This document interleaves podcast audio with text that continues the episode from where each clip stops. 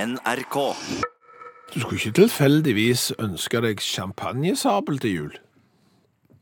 Nei. Nei. Nei. Kjenner du noen som ønsker seg champagnesabel til jul? Nei. Nei. Vet jeg hva en champagnesabel er? Det er Knapt. Knapt. OK. Ja, Det er jo en sabel Ja. som du åpner champagne med. På hvilken måte da?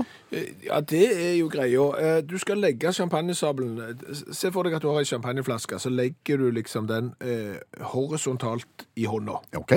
Og så tar du champagnesabelen, og så fører du den med stor kraft langs flaska, og så treffer du den lille kanten som er øverst på champagneflaska, rett under korken, og så slår du av det øverste stykket av champagneflaska, sånn at den blir åpen. Er champagnesabelen en litt lang brødkniv på en måte? En litt lang brødkniv, ja, og en litt solid eh, brødkniv, det er champagnesabelen. Men hvorfor bruker en ikke korken når det er kork? Jeg vet ikke jeg. For det er jo sånn, Når du slår av toppen på champagneflaska, Ja. rett over der du skal treffe, Ja. der er jo så- korken. Ja. Og det er jo sånn En kork det er jo et veldig tydelig tegn på at det er muligheter for å åpne det der. Tenkte òg det. Skal vi bruke den? Nei. Nei, det gjør vi ikke. Vi s- Vi slår den av. Finnes det andre drikker som kan åpnes med sabel? Og Om, om det er f.eks. julebrussabel, eh, pilssabel Husholdningssaftsabel? Aldri hørt om. Nei. Eh, Så jeg tror det er utelukkende på eh, champagne, og jeg aner ikke hvordan det har oppstått, for det virker ikke helt spesielt smart. Nei. Og jeg kan jo tenke meg at eh, å, å produsere champagnesabler, det, det er jo noe du skal komme på. Jeg tenker deg at du sitter der for eksempel på Sykkylven eller en eller annen plass i Norge, liksom, vet du hva, pappa, jeg har en forretningsidé, ja vel, hva har du tenkt å gjøre, sønnen min, når du blir stor? Jeg skal begynne å produsere champagnesabler. OK. Hva skal de brukes til? Det det sier seg selv. Det er å slå av toppen på champagneflasker. Ja, tror du det er et stort marked for det, da? Nei. For som sagt, du ønsker det ikke. Nei. Du kjenner ingen som har ønska seg det. Kjenner du noen som har brukt det noen gang? Jeg har aldri sett det i drift. Men jeg vanker kanskje ikke i, i sabelmiljøer, så jeg vet ikke. Og, og jeg tenker litt grann da på Hvis, for, for dette vet jeg Jeg vet om noen som har ønska seg champagnesabel ved en anledning. Og hva signaliserer det hvis du ønsker deg en champagnesabel? Da har du det meste, tenker jeg. Ja. Kan jeg spille en vignett? ja ja, kom igjen. Da følte jeg meg gammel, da. Har du følt deg gammel? eh? Nei, har ikke det. Nei! Nei. Men jeg har følt at du var den gamle. Så, så, da følte jeg meg gammel. Da var ikke at du følte deg gammel, men at du følte at jeg var gammel. Så jeg tenkte jeg kunne kjøre vignetten u uansett. Når var jeg gammel, da? Rett før helgen. Var jeg gammel rett før helga? Ja, for du skulle eh, beskrive Du skulle beskrive på en måte alle sammen. At alle sammen skulle være med på noe, skulle, du- skulle du si. Ok. Men i stedet for å si at alle sammen skulle være med, så sa du hele kostebinderiet skal være med. Og da ble du gammel. Sa jeg det? Du sa kostebinderiet. Altså, Hvis jeg har sagt det, så, så følte jeg meg gammel, jeg òg. Mhm. Jeg kan ikke huske at jeg har sagt Du sa det. Og hvis du hadde sagt for eksempel til ungene dine i dag Ja. at, eh, at eh, ta med dere hele kostebinderiet og kom, Ja. hva hadde de gjort da, tror du? Ingenting. Ellers hadde de gått ut i garasjen og leid etter noe de ikke visste var der. Ja, da kan vi låse? Ja, Det, er sånn, det, er, helt, eh, nei, det er jo helt eh, oppsiktsvekkende gammelt. Mm. Hele kostebinderiet. Vi skjønner hva du mener. Det, det er hele, alt sammen. Alle mann. Altså, Jeg skjønner hva det betyr, Ja. Eh, ellers hadde jeg jo ikke sagt det. Men jeg skjønner jo ikke for det første hvorfor jeg har brukt det, og jeg skjønner jo ikke heller helt hvor det kom ifra. Nei. eh, Da kan vi vel kanskje gjette på lavtysk, eller? Det kan du helt sikkert, men vi kan jo sikkert finne det ut. Altså, Internett er jo din venn. På direkten. På direkten. Eh, Jeg, jeg kan ta et Google-søk, men hva har du en teori? Kan det være rett og slett at det er en, en hele fabrikk som driver og binder koster? Og hvis du da skal ta med hele fabrikken, så tar du med hele kostebinderiet. Altså det, det er på en måte en bedrift, dette kostebinderiet. Eh, jo, men hvorfor er det hele kostebinderifabrikken da, og ikke for eksempel champagnesabelfabrikken eller Nei, det er bare en tilfeldig. eller annen fabrikk? Helt tilfeldig. Altså, jeg har fått eh, Det norske akademis ordbok her. Etymologi, hva det betyr? Fortsett. Er ikke det sånn historisk et eller annet? Muligens, altså kostebinderi, Ja. muligens med henspilling på de reisende som tidligere skaffet seg levebrød ved å binde koster, visper og lignende. OK. Da er det jo på en måte aktiviteten kostebinding, men det, det, det forklarer jo ikke hvorfor, hvorfor vi sier at eh, alle sammen er lik kostebinderiet. Det ble jo ikke tydeligere av det. Nei. Er det andre ting du kan søke på? Altså, nei, vi står her. Betydning og bruk av uttrykket kostebinderiet. Hele kostebinderiet. Muntlig. Hele hurven. Alle sammen. Men hva er en hurv? Hva er en hurv? Det s- får svar på et spørsmål med et nytt. Eventuelt hele hurven, eventuelt hele sulamitten. Ja, ja. åh. Og hva var sulamitten? Hva var sulamitten? Ja, det var et folkeslag. Det var sulamittene som sloss mot dolomitten eller et eller annet der omkring. Også. Var, var- var det det? altså. Ja. Ja, jeg mener det. Men gå videre. Men, men, men det er ikke mer. er det ikke mer? Nei, det, det er ikke mer. Det er forklaringen på hele kostebinderiet er hele hurven, eh, skråstrek hele sulamitten. Eh, muligens med henspilling på de reisende som tidligere skaffet seg levebrød ved å binde koster, visper og lignende. Og, kan du tenke deg å komme på banen med den forklaringen der? Hvis du satt der og hadde skolestil i tredje klasse på gymnaset, grei ut om bruken av hele kostebinderiet, så kommer du dragende med hurv og sulamitt. Var det folkeslag, det?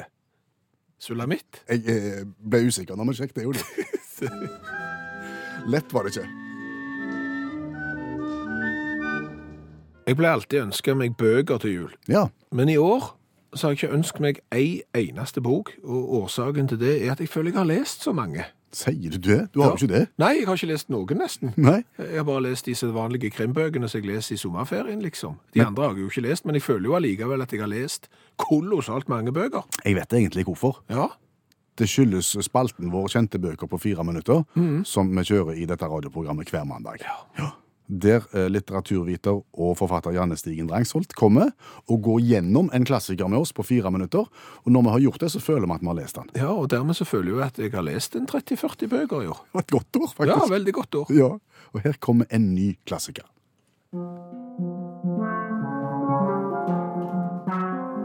Brødrene Løvehjerte av Astrid Lindgren fra 1973.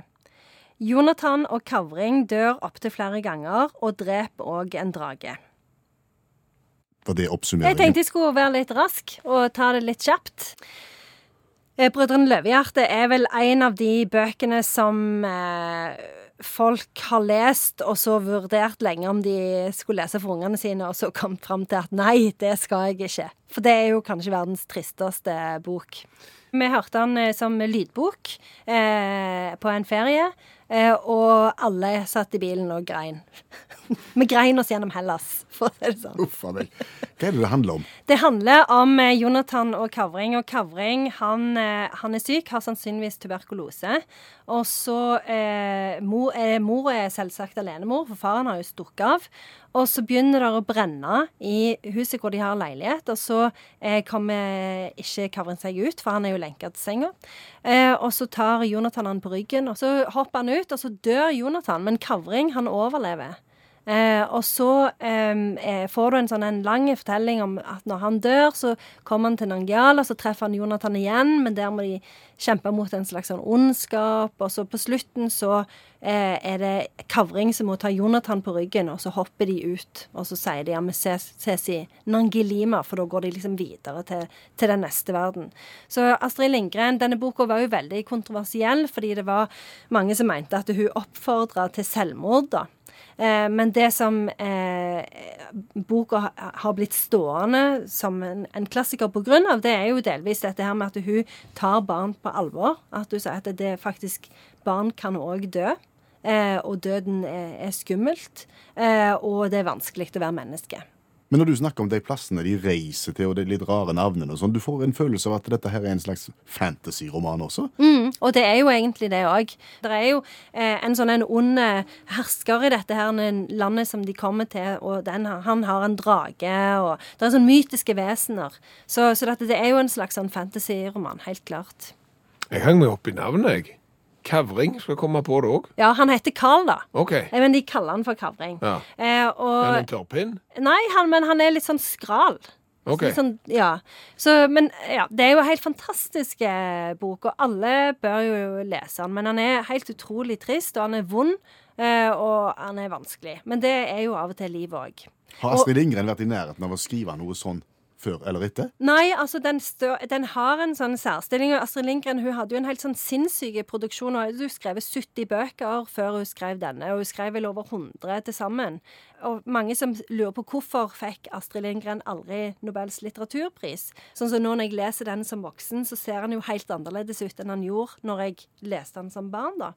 Eh, Men det er jo eh, fordi at eh, barnelitteratur ikke blir sett på som klassikerverdig, eller nobelprisverdig, da. Så derfor så, så har hun blitt oversett i den sammenheng. Et sitat fra Brødrene Løvehjerte. Det finnes ting man må gjøre. Hvis ikke er man ikke et menneske, bare en liten lort. Det er det aller mest kjente sitatet, og det er på en måte det hele boka handler om. At det, du må være modig. altså Du må våge å stå for det du tror på, og du må våge å, å gjøre ting selv om du er redd, fordi at det, du vet at det er det rette. Jeg skal be deg oppsummere nå. Du får ikke lyst til å tøyse nå. Nei, jeg får ikke lyst til å tøyse nå i det hele tatt. Jeg er- ble trist bare av å høre om eh, denne boka. Så jeg tror bare vi må oppsummere at dette er en bok som alle bør eh, lese, og huske at livet er av og til tøft, vanskelig og skjørt. Takk, Janne Stigen Drangsvold, forfatter og litteraturviter.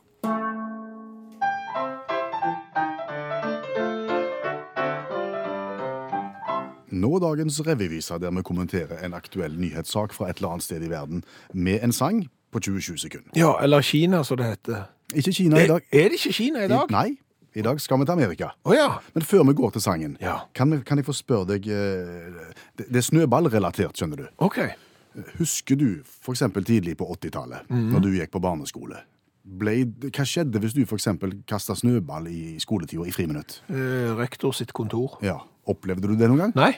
Nei, for du var ikke en av dem. Nei, for jeg var, var veldig grei, men eh, de som eh, var der òg, de måtte gjerne ha parade. Ja, det kjenner jeg til. Ja, kjenner du til det? Ja da. Eh, Snøball, det, du, du gjør det bare én gang, men eh, du kaster snøball i friminutt, og så fikk vi altså da parade. Og, og hva er Eh, det? Ja, det er en litt rar eh, avstraffelsesform. Det betød at du måtte komme på skolen gjerne en halv time før de andre. Så hvis de andre begynte halv ni, så, begynte du, så måtte du komme klokka åtte. Da var det nesten ingen som var kommet, bortsett fra vaktmesteren. Så da ble du med han inn på, på, på kontoret til vaktmesteren, og der satt han, og der lukta det litt sånn viskelær og blyant og sånn, og så satt du der på en krakk en halv times tid, og så kom de andre, og så var du ferdig. Ok, da, da var straffen over, og du tenkte at nå skal jeg iallfall aldri hive snøball igjen, for da må jeg sitte på vaktmesteren sitt kontor i en halv time. Det verste var at du fikk melding med hjem om, om at du hadde fått parade. Å ja, Det var egentlig det. ok. Men ok, nå har vi satt det litt i perspektiv. Ja. For vi skal til Colorado i USA. Til en bitte liten by som heter Severance. Og der er det altså da et forbud mot snøballkrig i den lille byen. Forbud. Ja, Det er ikke lov under noen omstendighet til å kaste snøball i den byen der. Hva da for? Nei, Det sier historien ingenting om. Vi kan bare gjette Ja. at de har hatt en lei eh, episode, for eksempel. Det kan de ha hatt, eller så har det gått noen vinduer, eller så Noe kan ha skjedd. Men så er det da en gutt, en tolv år gammel gutt, som heter Dane. Dane Best heter han til et navn. Eh, han syns dette er dumt. Fordi at han tenker at hadde vi hatt lov til å kaste snøball og holdt på og kost oss skikkelig i snøen, så hadde vi kanskje gått ut fra, fra dataspill og inneaktiviteter. Å, han tenker proaktivt. Ja, så han henvender seg da til kommunestyret i Severance og sier, vet dere hva? Altså, mangel på utendørsaktivitet og gøy ute kan føre til at ungdommen får angst, depresjon og kan sågar utvikle ADHD. Så vær så snill, la oss få komme oss ut og hive snøball, det vil bli bra for alle. Ja, sier kommunestyret, tror ikke det var så dumt. Og så omgjør de hele loven og så plutselig så blir det lov å kaste snøball i byen Severance. Og ingen har lenger ADHD. Nei, nå er det helt slutt. Det, Det er jo Det er oppsiktsvekkende. Ja, ja. Jeg bare, For å si det sånn, dette her er nylig innført, så, så, så langtidseffektene vil jo, vil jo vise seg på sikt her. De, han eh, lover da Dane at han skal ikke kaste mot vinduer, selvfølgelig, og at første offer for snøballkrigen skal bli lillebroren hans. OK. Ja. Mm. Så nå i Severance får du unger som ikke spiller data, ikke har ADHD, men kun ser godt på ett øye. Ja. Det blir bra. Det har du det. Og her er sangen.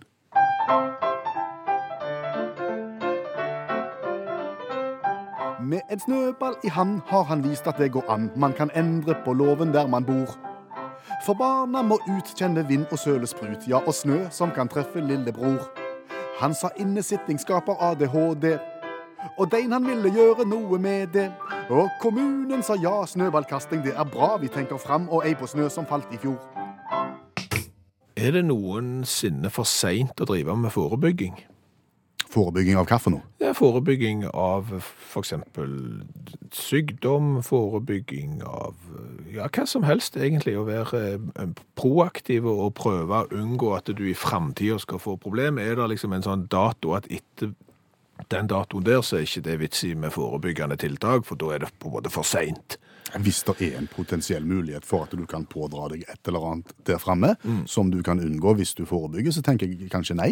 Ja. Aldri, aldri. Nei, nei det, det er bare et eh, tankeeksperiment, og, og bakgrunnen for dette tankeeksperimentet det er at eh, bestemor mi Hun hun blir jo 104 år nå i, i januar, og hun feiler jo ikke noe, Nei. eh, for så vidt. Men nå har hun begynt også å ta noen tabletter, noe forebyggende. Jaha. Ja, La, skal vi bare la meg forklare sjøl? Hun kan fortelle sjøl, ja. Eva Ryen, snart 104. Jeg fikk plutselig en som jeg skulle, skulle ha som en sugetablett. Så jeg har ikke vondt i halsen eller noe. Nei, det er for, for tennene. For tennene, så jeg har alle mine egne tenner, sa jeg. Ja, men det er fordi du, du skal bevare de. Det er visst det de har funnet ut, for vi fikk iallfall beskjed at du skulle ha det for å passe på tennene. Sikkert fluortabletter, da. Ja, det er fluortablett. Det var det det var. Så nå har du fått fluortabletter for at eh, tennene skal Være holde livet ut? Ja, det er nettopp derfor du har fått de, sa de. Jeg f- kan ikke forstå at det er noen på 104 år som trenger fluortabletter. greit å ta vare på det òg. Ja da, jeg passer godt på tennene. Jeg har alltid gjort det, heldigvis. Så 14 dager før du ble 104, det var da du begynte med fluortabletter? Ja. Da jeg ble 104 år, så begynte jeg med fluortablett. Jeg, jeg kunne ikke tro det var sant. Jeg lo, altså. Det, jeg sa det må, det må være noe feil, så det kan ikke være mulig. Nei, det er fluortablett for tennene. Ja vel, sa jeg. Det er best å være føre var. Ja. Jeg syns det var morsomt. Tror du bestemor di på 104 år, tror du hun får sånn blå flux, eller grønn flux, eller Jeg er ikke sikker, for jeg husker på de der fluortablettboksene så står det liksom sånn alder, Ja. sånn fra 1 til 4 år, eller hva det er for noe, fra 4 til 8, og så er det gjerne en fra 100 til 104, hva vet vi? Hva er det som er like langt? Det hørtes ut som en sånn en gåte som far min alltid tok på meg når jeg var liten. Åja, Hva er det som er forskjellen på en elefant? Den kan verken sykle, var svaret. ok. Ja. Ja. Hva var de gåta? Nei, altså, hva som er like langt? Hva som er like langt. Ja. Ja. Det, det er jo frem og tilbake. Fram og tilbake er like langt. Frem og tilbake er, er like langt. Og det er jo for eksempel sånn, har du to, og legger til to, så har du fire, så tar du vekk to igjen, Da er du tilbake på to. ja, da er frem og tilbake eh, like langt. Og så er jo spørsmålet, er frem og tilbake like langt når det gjelder språk? Og da tenker du på Oversetting av språk. For i prinsippet, hvis du har en norske tekst, Ja. oversetter den til et annet språk, eh, tar det språket da, og oversetter tilbake til norsk, så skal du jo i prinsippet være nøyaktig på samme sted. Tenker du at du da oversetter fram og tilbake ved hjelp av oversettelsesdataverktøy? Ja, det er det helst det jeg tenker, for hvis du får inn en tolk, så kan det godt hende at fram og tilbake er like langt, men når du bruker internettverktøy, så er det ikke sikkert at det blir det. Nei, OK. Er det en spesiell tekst du tenker på nå? Ja, jeg tenkte vi skulle ta en tekst som de aller, aller fleste har hørt og kan relativt godt når de bare hører det. Det er nemlig juleevangeliet. Det skjedde i de dager at det utgikk befaling fra keiser Augustus om at hele verden skulle innskrives i manntall. Ja. Dette var den første innskriving som ble holdt mens Kvirinius var landshøvding i Syria, og alle dro av sted for å la seg innskrive, hver til sin by. Vet du hva, det er ordrett rett. Jeg har lest han opp som konfirmant. Ja. Og videre da så er det jo å komme seg til Davids by, Betlehem osv., og så videre. Og så er det fullt i, i stallen, og så eh, f- føder føder Maria, og så er det hyrder på marken, og, og nattevakt og flokk og, og sånn. Vi kjenner den vakre historien Ja.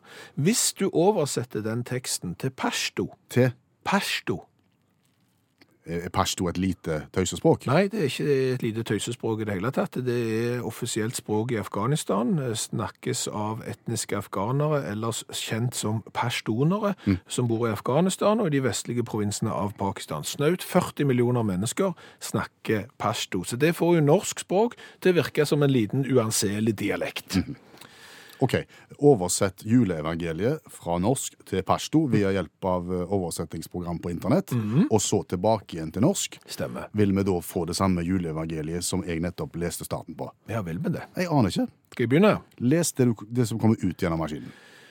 Det ble etablert i keiserrikets dager at hele verden skulle bli skrevet på fastlandet. På, på fastlandet? Ja, ikke helt likt. Fornavnet ble skrevet i brevet da korintene var Syria, og alle forlot seg for å flytte til sin by. Josef dro til Galilea, i Galilea til Davids by, til Davids City. For sikkerhets skyld. Davids City, det høres ut som et kjøpesenter der han skulle kjøpe de aller siste julegavene før de stengte. Fordi han er Davids og hans familie som han selv Ja, det blir litt utydelig. Ja, sånn. jeg datt av nå. Ja. La oss gå med Maria, lover ham og venter på babyen. Ja. Og da det var der, kom han til å vite at hun var født, og hun ble født til sin sønn, gamle sønn. Ja. Det er ikke verst når hun blir født til sin sønn. Nei, nei. Hun ga det til henne og bript ham, Og bript, B-R-I-P-P-E-D, E bript, litt usikker. Hun ga det til henne og bript ham i bestikkelse fordi det ikke var noe rom for dem. Det var nesten fire-ti uskyldige mennesker som var på bakken og holdt natterampe. de holdt natterampe, ja. Ja, de fire-ti Ja. holdt, holdt natterampe. Herrens engel med hverandre sto foran dem, og Herrens, Herrens herlighet var på dem. De var rasende på grunn av terrorisme. Uff da. Men engelen sa til dem, vær ikke redd, jeg er lykkelig med deg, så jeg er lykkelig i hele folket. I dag er du en redder i byen Daud. Hvor kom den inn? Ja. Han er Messias. ja. Ja. Ok. Det var da juleevangeliet transportert først til pashto og tilbake igjen til norsk. Mm. Ja. Det sier vel litt om sånn historiefortelling fra, fra, fra munn til munn, det, kanskje? Ja, for eksempel når Asbjørnsen og Mo var rundt for å hente eventyr, så var det jo sånn at disse eventyrene, de var jo brakt fra folk til folk til folk, fra dialekt til dialekt i, i, i Norge. Og du ser jo at det, du skal jo ikke så mange ledder her før det blir rimelig kaotisk. Så du kan jo bare tenke på den der syvende faren i huset, hva han egentlig var i starten. Han lå oppi hornet der. Jeg tror han var bripped. Hva har vi lært i dag? Jeg har lært ganske mye, men jeg føler at det meste jeg har lært handler om champagnesabler. Og det er ikke nødvendigvis kunnskap som du trenger for mye av. Nei, du, du gjør jo ikke det, men visstnok da så var sablering av champagne, det vil si at du fører en sabel langs eh, kanten på champagneflaska og slår av toppen Mm. uten å ta korken. Altså flaska skal knuse i toppen. Denne metoden ble benytta av Napoleons hær som en praktisk måte å åpne flaskene på. Å ja. Jeg vet ikke hvor praktisk det er, jeg. Når du, når du har kork, tenker du? eh, Ja, jeg tenkte, han ligger jo der. Eh, Holger forteller det at eh, han har en nabo som bruker øks til det samme. Han sablerer da champagnen med øks med samme gode resultat. Ja vel. Det er jo et partytriks, og og det er det Halvor òg sier, at eh, det med å bruke sabel for å åpne champagne blir nok mest gjort fordi det går an. Mm. Og fordi det er tøft? Ja, det er utrolig gøy eh, å gjøre ting på en annen måte enn det som er tiltenkt. Han har blant annet et søskenbarn som liker å åpne pilsen sin med motorsag. Det er helt unødvendig, men utrolig gøy, sier Halvor. Men det er klart at eh, du skal være litt forsiktig hvis du har åpna nok pilsflasker med motorsag, så skal du begynne Da ville jeg tenkt konvensjonelt etter hvert. ja, det tror jeg jeg òg ville gjort. Eh, fun fact jeg har fått inn her. Statuskunder hos SAS kan hvert år velge seg en gave Vi har aldri måttet velge gave hos SAS. Nei, det er Statuskunder, sa Ja. jeg. I nettbutikken er champagnesabel da et av valgene. Å, Så der ser du. Statuskunder hos SAS de har kanskje champagnesabel. Hva vet vi. Så har vi lært det at vil du endre lovene en plass, så er trikset å love at hvis denne eh, loven blir endra, så skal ungdommen slutte å spille data. for er det noe voksne biter på, og noe voksne ønsker mer enn alt i hele verden, så er det at ungene skal spille mindre data. Ja, så det er trikset. Eh, Så har vi jo lært litt Ja, vi har vel egentlig ikke lært om kostebinderiet.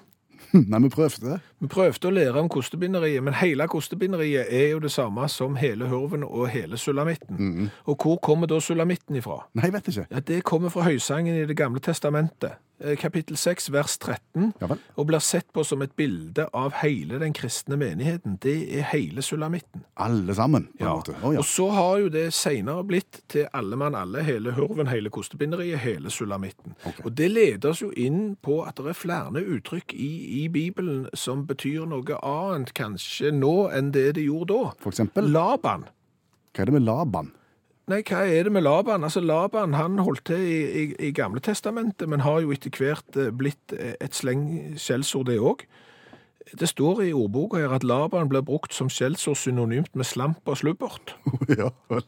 Jeg har alltid brukt om lange folk. ja, din lange Laban. Ja. ja, ja. Men men det kommer det- det- Selvfølgelig har jeg vært innom tysk, Mhm. som det alltid har, eh, og, og er synonymt med lømmel-bengel. Det har skjedd noe med skjellsordene på veien. Det er ingen som bruker verken Laban, slubbert, lømmel eller bengel. Ikke lenger. Tasken-spiller heller. Hør flere podkaster på nrk.no podkast.